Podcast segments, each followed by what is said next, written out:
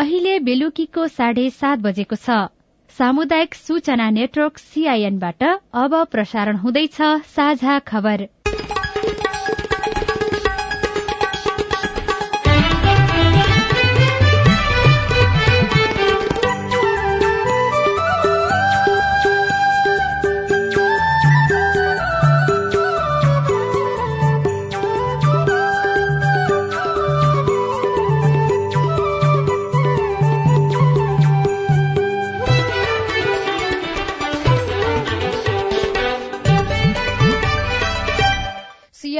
साझा खबरबाट सोभिता रिसालको नमस्कार। साझा खबर देशभरिका सामुदायिक रेडियो सीआईएन खबर डट कम सीआईएनको फेसबुक पेज र मोबाइल एप सीआईएनबाट पनि सुन्न सकिन्छ।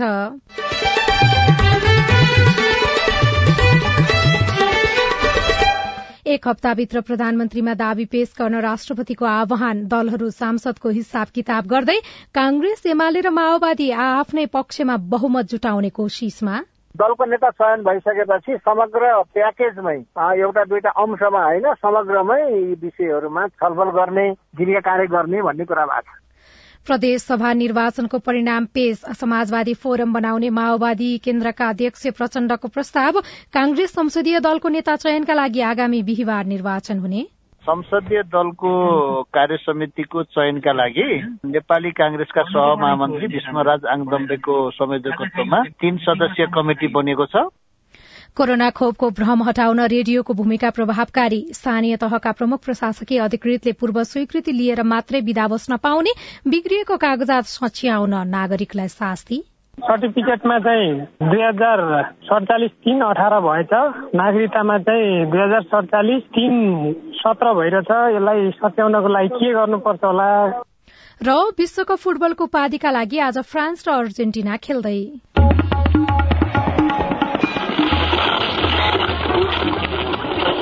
सयौं रेडियो।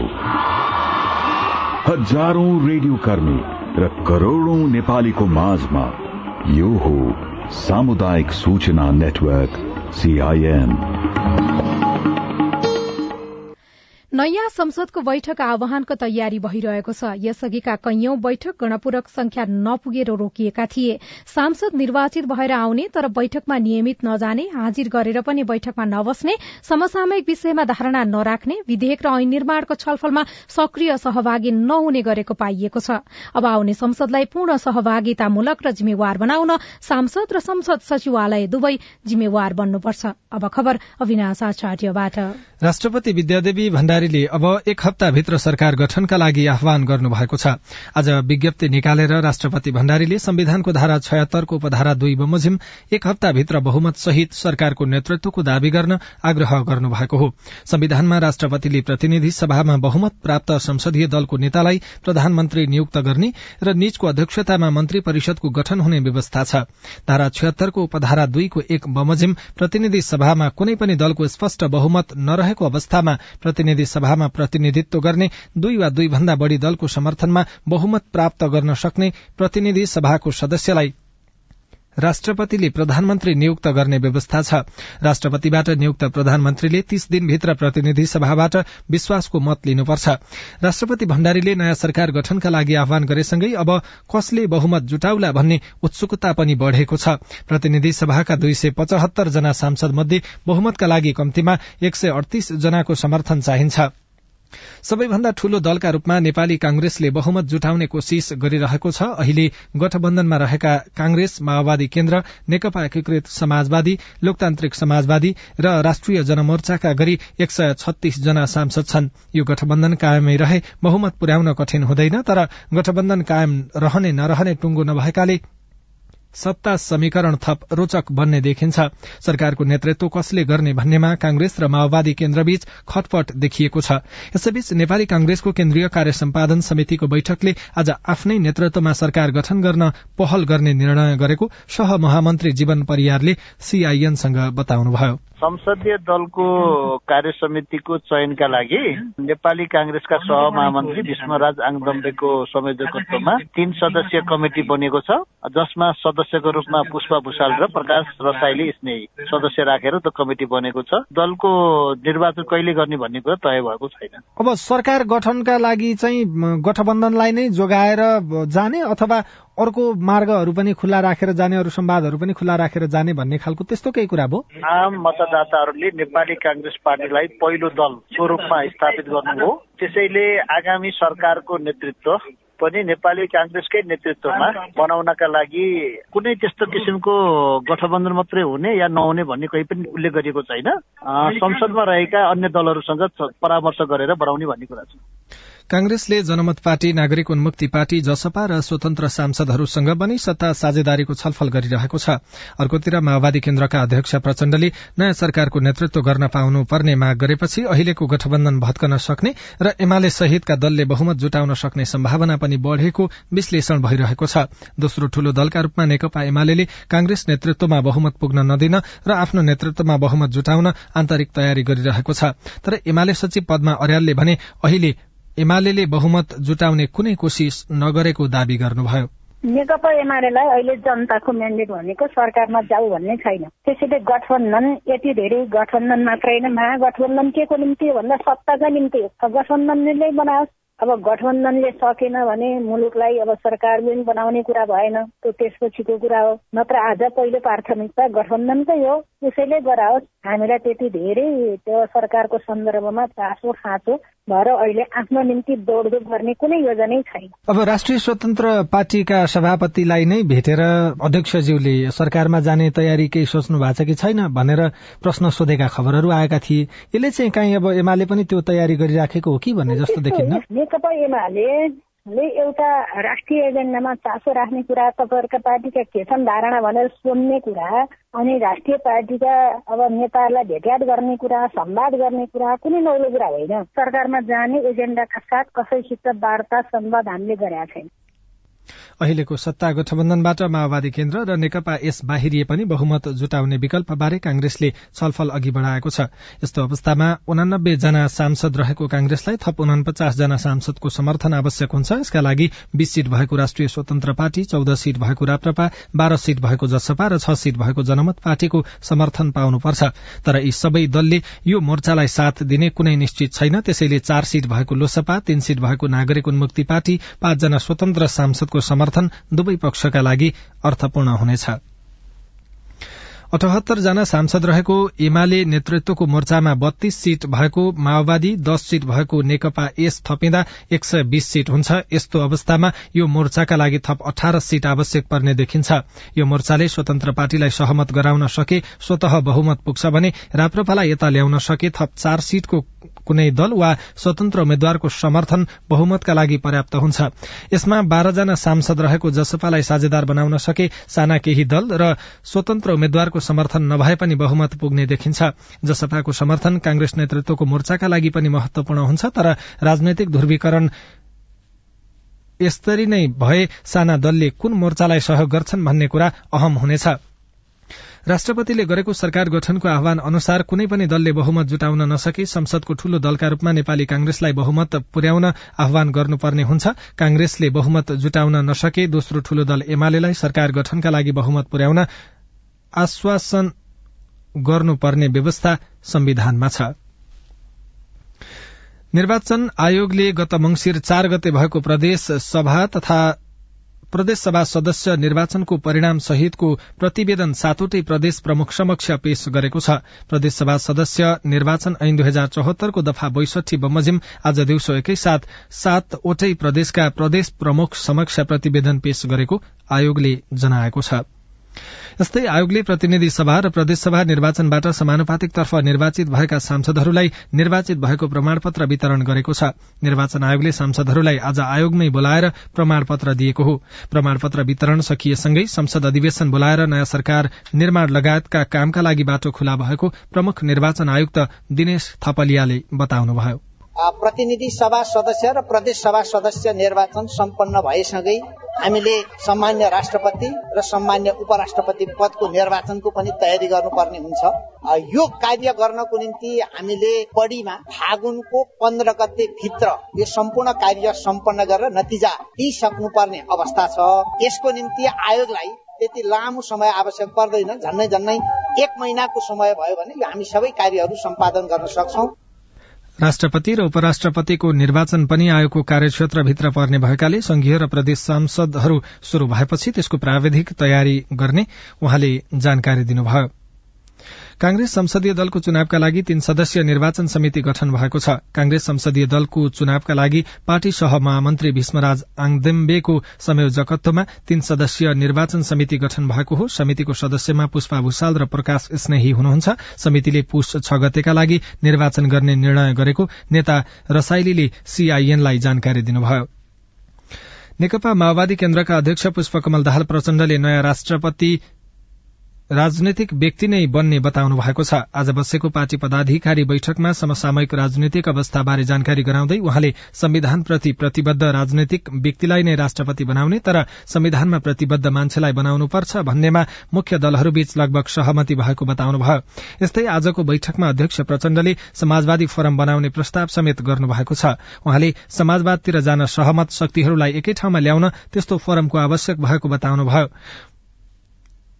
सीआईएनसँग कुराकानी गर्दै माओवादी नेता दिननाथ शर्माले भन्नुभयो। दलीय व्यवस्थामा निर्दलीय राष्ट्रपति हुँदैन।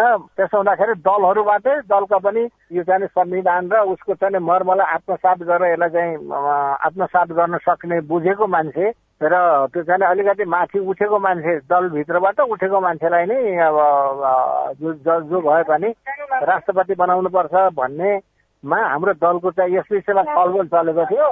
हाम्रो चाहिँ त्यही चाहिँ निष्कर्ष छ। अब सरकार गठनको पनि बहस चलिराखेको छ त्यसबारे पनि केही कुराकानी भयो? सरकार त गठबन्धन अहिले चाहिँ पहिलो त अब सदस्यहरूले शपथ ग्रहण गर्नु पर्यो त्यसपछि दलको नेता सबै दलहरूले आफ्नो दलको नेता चयन गर्नु पर्यो अनि सबै चाहिँ यो दलको नेता चयन भइसकेपछि समग्र प्याकेजमै एउटा दुईटा अंशमा होइन समग्रमै यी विषयहरूमा छलफल हुन्छ के अरे छलफल गर्ने गृह कार्य गर्ने भन्ने कुरा भएको छ। समाजवादी केन्द्र बनाउने भन्दै यसअघि माओवादी केन्द्र र एकीकृत समाजवादीले एकता संयोजन समिति बनाउने सहमति गरेका थिए। साझा खबरमा अब खेल खबर। विश्वकप फुटबल विशेष। फिफा विश्वकप फुटबलको उपाधिका लागि आज अर्जेन्टिना र फ्रान्स बीच प्रतिस्पर्धा हुँदैछ। लुसेल रंगशालामा हुने फाइनल खेल नेपाली समय अनुसार राति पाउने नौ बजे शुरू हुनेछ। दुवै देशले हालसम्म समान दुई पटक विश्वकप जितेका छन्। दक्षिण अमेरिकी राष्ट्र अर्जेन्टिना र युरोपियन राष्ट्र फ्रान्स तेस्रो पटक उपाधि उचाल्ने योजना सहित मैदान उत्रँदैछन्। अर्जेन्टिनाले सन् उन्नाइस सय अठहत्तर र उन्नाइस सय छयासीमा विश्वकप जितेको थियो। फ्रान्सले सन् उन्नाइस सय अन्ठानब्बे र दुई हजार अठारको विश्वकप जितेको थियो। लियोनल मेस्सीको कप्तानीमा रहेको अर्जेन्टिना छैठौं पटक विश्वकपको फाइनल पुगेको हो। मेस्सीका लागि कतार विश्वकप अन्तिम विश्वकप समेत हो। यता ह्युगो लोरिसको कप्तानीमा रहेको फ्रान्स लगातार दोस्रो पटक विश्वकपको फाइनलमा पुगेको हो। अर्जेन्टिना र फ्रान्स बीच हालसम्म बाह्र खेलमा प्रतिस्पर्धा भएका छन् जसमा अर्जेन्टिनाले छ खेल जितेको छ। फ्रान्सले तीन खेल जित्दा तीन खेल बराबरीमा सकिएको छ।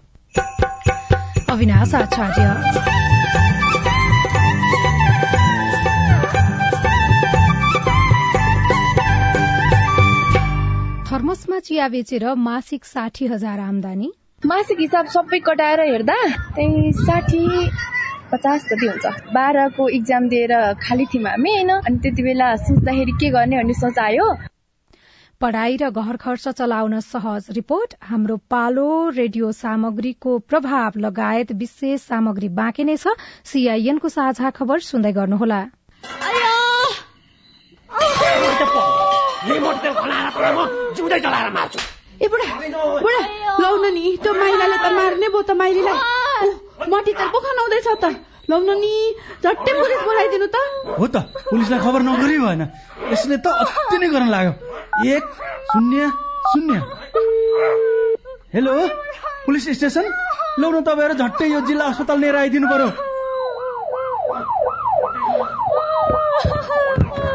तपाईँहरू जस्तो असल छिमेकीलाई चाहिँ धेरै धन्यवाद है। हामीलाई बेलैमा खबर गरिदिनु भएर थप अप्रिय घटना हुन पाएन। यसरी अग्निजन्य हिंसा महिला हिंसा गर्नेलाई त कानून बमोजिम दण्ड सजाय हुन्छ। ल यसलाई लिएर हिँड्नुहोस् त।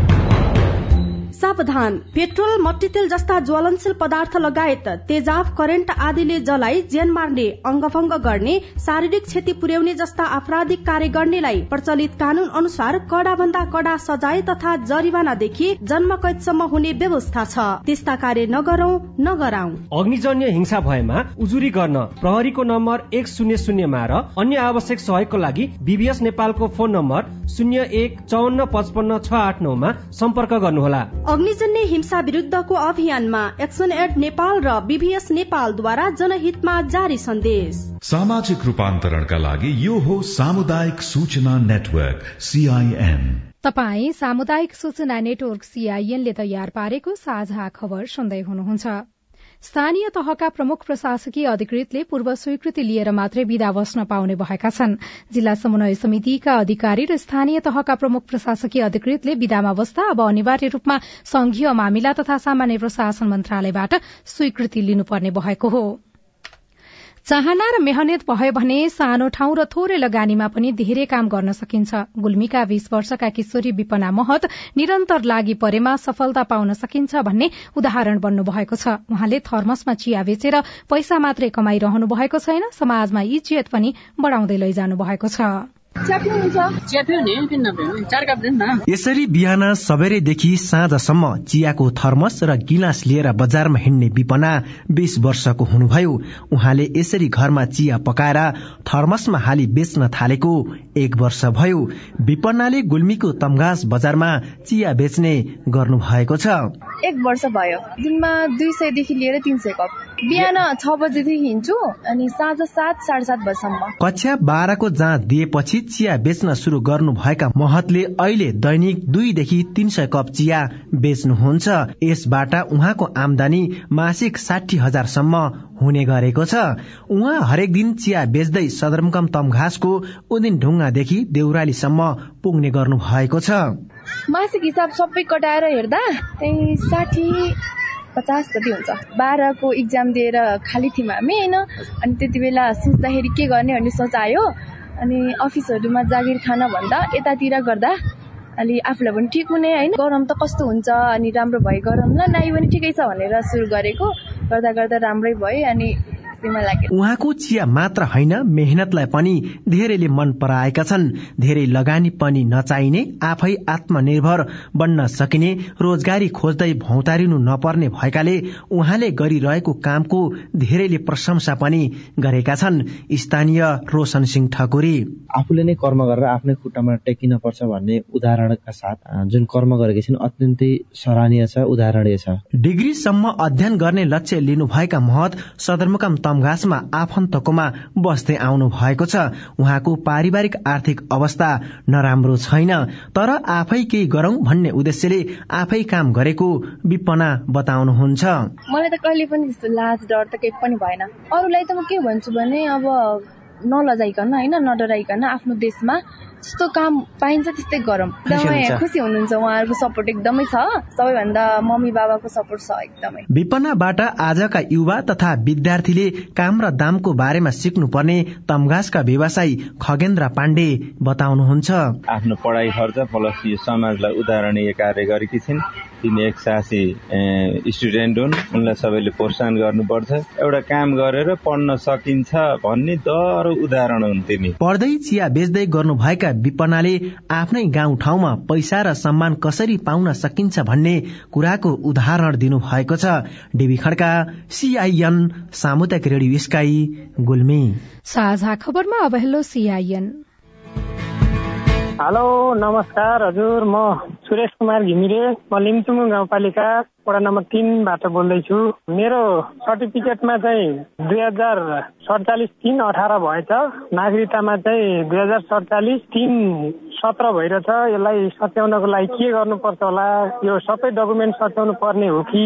नागरिकता सच्याउन मिल्छ यसको लागि जानकारी पाऊ भनेर चाहिँ मैले प्रश्न गर्न चाहे। यसबारे तपाईँलाई प्रश्न पार्दै हुनुहुन्छ उदयपुरका प्रमुख जिल्ला अधिकारी जनार्दन गौतम। नाम जात थर सच्याउने नियम दुई हजार सत्र भन्ने छ। त्यो त्यो नियम अनुसार नागरिकता र एसई अथवा एसएलसीको सर्टिफिकेटमा जन्म मिति अथवा अन्य विवरण फरक पर्यो भने छ महिनाभित्र हामी कहाँ निवेदन दियो भने हामीले पर्चा खडा गरेर सर्टिफिकेट सचाउन भनेर सिडिओले आदेश गरेपछि शिक्षा निर्देशनालयले त्यसलाई सचाइदिन्छ। छ महिना भन्दा बढी भएको रहेछ भने? त्यो अवस्थामा अब सामान्य त्रुटि भएको त हामीले सचाइदिने गरेका छ। दुई चार दिन पन्ध्र बिस दिन एक महिनासम्मको तर लामो अब छ सात वर्ष दुई तिन वर्ष एक दुई वर्ष फरक परेको। हामीले अब एउटै व्यक्ति हो फलानु जन्ममिति भएको र फलानु एउटै हो भन्ने वडाको सिफारिसको आधारमा प्रमाणित गर्ने गरेका छ। मान्छेलाई भोलि पर्सितिर मलाई भेट्न पठाउनु न के रहेछ मैले सल्लाह दिउँला नि। त्यस्तै प्रकृतिको जिज्ञासा छ। डडेलधुराका धनबहादुर शाहीको। छोरीको डकुमेन्ट बिग्रियो हजुरको अनि डकुमेन्टमा मेरो नागरिकतामा धनबहादुर साईको अनि मेरो म्याडमको नाम दुर्गा साईको अरूको होइन?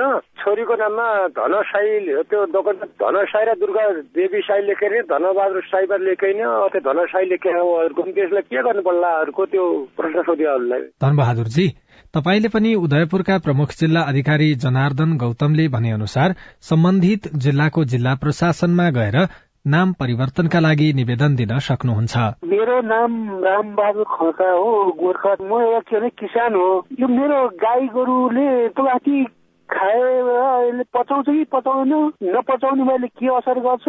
असर गर्छ भने यसको दबाई छ कि छैन? तपाईँको जिज्ञासा मेटाइदिन। हामीले पशु सेवा विभागका वरिष्ठ पशु चिकित्सक डाक्टर मुकुल उपाध्यायलाई भनेका छौं। प्लास्टिकहरू पचाउँदैन। अब रुममा धेरै नै छ भने चाहिँ अपरेसन गरेर निकाल्नु पर्ने हुन्छ प्लास्टिकहरू सबै।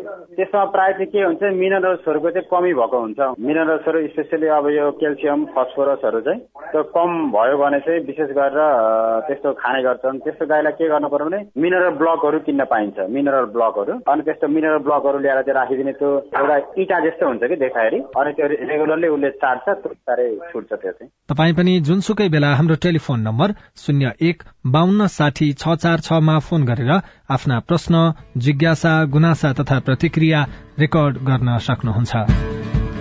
तपाई सामुदायिक सूचना नेटवर्क सीआईएनले काठमाण्डुमा तयार पारेको साझा खबर सुनिरहनु भएको छ। कोरोना खोप बारेको भ्रम निवारणमा रेडियो कार्यक्रम प्रभावकारी। कार्यक्रमबाट पुष्ट डोज लगाउनु पर्छ भन्ने हामीले सुन्यौं अनि तेस्रो खोप नै हामीले लगाउनु पर्छ भन्ने हाम्रो मनमा आयो। सीआईएनको प्रभावकारिता सहितको विशेष श्रृंखला हाम्रो पालो बाँकी नै छ। सीआईएनको साझा खबर सुन्दै गर्नुहोला। अनुमान मिलाउनुहोस् पुरस्कार जित्नुहोस्। यस पटकको विश्वकप फुटबलको उपाधि कसले जित्ला? यो प्रश्नको सही उत्तर सीआईएनको फेसबुक पेज ट्विटर टिकटक इन्स्टाग्राममा दिएर जित्नुहोस् बत्तीस इन्चको रंगीन टेलिभिजन।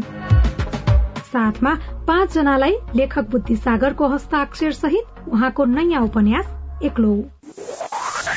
सीआईएनको साझा खबर अब नेपाली पात्रोमा पनि। स्थानीय राष्ट्रिय तथा अन्तर्राष्ट्रिय समाचार नेपाली एफएम तथा अनलाइन रेडियोहरू एकै ठाउँमा सुन्न तिथि मिथि तथा पञ्चाङ्ग सम्बन्धी सबै जानकारी लिन।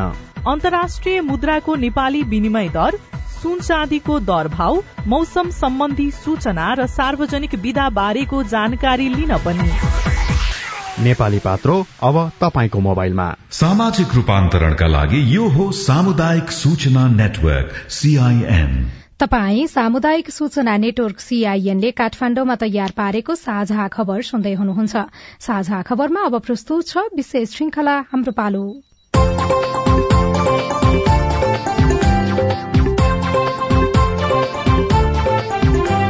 नमस्कार म सुशीला।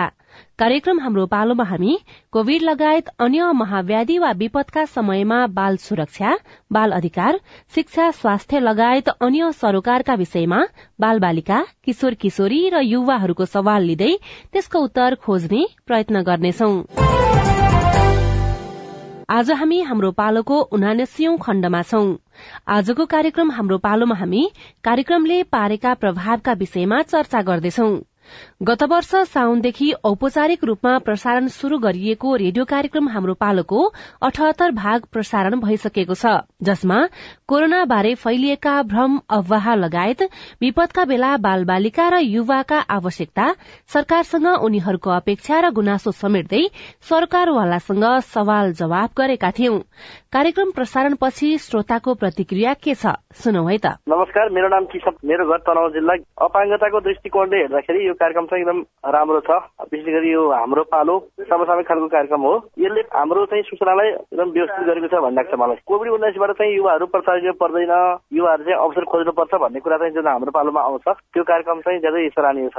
अब विशेष गरी अपाङ्गता भएको व्यक्तिहरूलाई यो लकडाउनको अवस्था अथवा कोभिड उन्नाइसको यस्तो चाहिँ महामारी आएको बेलामा अपाङ्गता भएको व्यक्तिहरू चाहिँ कसरी सेभ गर्ने परिवारले भन्ने सामग्री पनि यसो आइदिएदेखि राम्रो हुन्थ्यो भन्ने लाग्छ म। मेरो नाम खड्कबहादुर घर मेरो मुगु जिल्ला यो त जसलाई राम्रै लाग्ने कार्यक्रम हो किन अन्जान मान्छेलाई ज्ञान प्राप्त हुन्छ सूचना प्राप्त नहुने ठाउँमा सूचना प्राप्त हुन्छ कस्तै थाहा हुने भएको हुनाले एकदमै राम्रो कार्यक्रम हो त त्यो। कोरोनामा पर्दाखेरि अनि यसरी यसरी बस्नुहोस् भन्ने कार्यक्रम पनि त्यो सबै सुन्नमा आयो त्यो सबै सुनियो। हामी त फेरि दुर्गमको मान्छेलाई त अति उपयुक्त कार्यक्रम नै हो यो हाम्रो निम्ति। एकदम धेरै सहयोग गरिरहेछन् यसको निम्ति त अब सबै मान्छेहरूलाई ज्ञान भइरहेछ खोप लगाएपछि यो कोरोना अन्त हुन्छ कोरोनाले ज्यान लिँदैन कोरोना कम लाग्छ।